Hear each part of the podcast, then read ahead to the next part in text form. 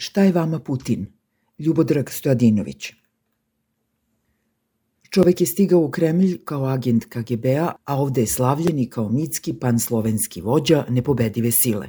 Onaj koji se ne boji nikoga, a njega se plaše svi.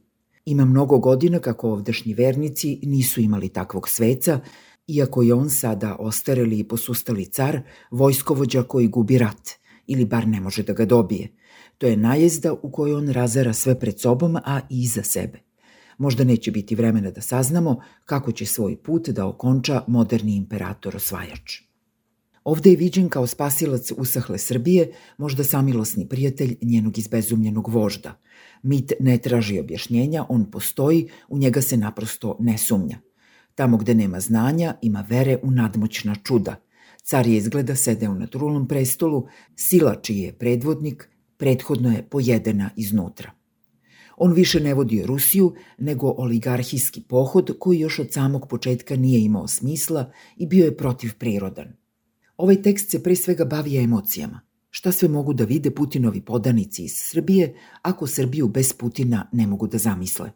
Možda je to vera u nešto drugo, nepoznato i onostrano, u mračnu silu koja proždire pred sobom sve što nismo mi, a možda i nas, a srpski genom pronalazi u dalekom istočnjačkom bolu. Putin je ovde doživeo uznesenje, bio je gost u čijoj je čast pomeren praznik oslobođenja Beograda. Pred njim Vučić na specijalnoj paradi nije želeo ili nije smeo da otvori kišobran. To niko nije smeo, pa su srpski velikaši pokisli kao dodole i nisu se više ni osušili. Nad visokim gostom beše raširen specijalni amrel. Putin je postao idol slabašnih, nesigurnih i nedoučenih plemena, željnih nekakvog izbavljenja – totem za kletvu nedostižne moći, junak mnogih bajki i izmaštanih pobeda. Brat koji ne stiže da misli o maloj braći, niti da im pomaže, niti to bilo kada radi, ali ta okolnost nema značaja. Njegova pomoć bi svakako stigla u presudnom času, a ako ne stigne onda ništa, ljubav i patnja se nastavljaju. Pokazivao se na paradama u moćnom predsedničkom avionu, rvao se sa medvedima, ronio i isticao ekstremnu fizičku snagu, jahao po stepama, putovao sa hiljadama telohranitelja. Neosporni diktator Rusije koji je uspeo da sanira Jeljcinove ruševine i namiri oligarhijsku kastu zaduženu da čuva njegovu vlast. Mnogi su u njemu videli modernog Staljina, možda ne toliko surovog na sobstvenom dvoru, ali isto tako odlučnog u očuvanju vlasti i lične moći. Imao je skoro idealni raspored neprijatelja. Unutra disidenti i mediji, s polja zapad, koji se približio granicama više nego što je to moglo da se podnese. Odluka o imperialnom ratu doneta je pred najzgled lako metom uz nelogičan cilj – demilitarizacija i denacifikacija smena nacističkog režima u Ukrajini. Rusi nigde nemaju braću koja su im bila bliža od Ukrajinaca. To je važno da se zna pred pokušajima ovdašnjih fanatika da budu najbliži majčinskoj moskovskoj lozi. Takve loze nema, u tome nema rodbinskih osjećanja jer nema nikakve rodbine. Rat pokazuje da su svi razlozi za pokretanje specijalne operacije bili nepostojeći, pa se sve pretvorilo u beskrajnu agoniju. Razorena je čitava jedna velika zemlja i u tome se ide do kraja. Mrtvi će se tek zbrajati na obe strane. Sila koja razara suočena je sa moralnim i vrednostnim slomom.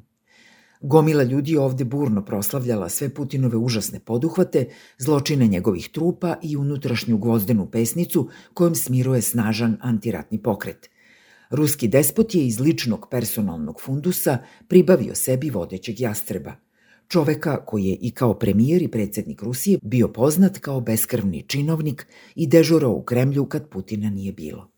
Takav kakav je dobio je rat protiv Gruzije 2008. dok je Putin bio na olimpijadi u Pekingu, ali Dmitrij Medvedev, u njemu je reč, došao u sam centar stvari kada je pohod na Ukrajinu postao zaista živo blato za sudbinu ruske oružane sile i Rusije. Nuklearnim ratom je prvi zapretio Putin, ali je Medvedev učestao, sluteći vojničku kalvariju. Rekao je da Rusija sebi ne sme da dopusti poraz i da će u tom slučaju upotrebiti nuklearno oružje kako bi poraz bio sveopšti.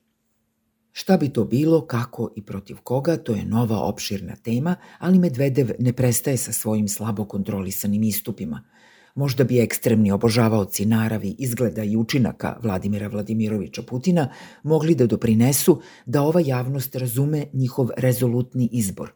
Živite li u Rusiji, vozite li Moskvić, imate li pametni telefon ruske proizvodnje, putujete li u Murmansk na odmor, da li je Z za vas slovo Ćirilice, jeste li već u Wagneru ili čekate da on dođe po vas – Ovo je samo hipotetički okvir za negovanje emocija pred surovim i nepoznatim. Naravno, to nisu ni malo pouzdani parametri za određivanje pozicije srpskog rodoljublja, koji to postaje voleći Putina i njegove vojnike pod Kijevom i rakete koje ruše velike gradove. Šta je on za vas osim daleke nalepnice? Svako može da se drži svojih nepouzdanih osjećanja, ma kakva ih nastranost izazvala. Nikakvi Rusi neće pomoći oko Kosova, nikada nisu ni pomogli. Putinov omiljeni brat će u parlamentu Srbije probati da objasni šta mora, a šta ne sme, menjajući svoje porozne principe za opstanak. Mora sve, ne sme ništa. Kosovo može da ode, ali Vučić ne.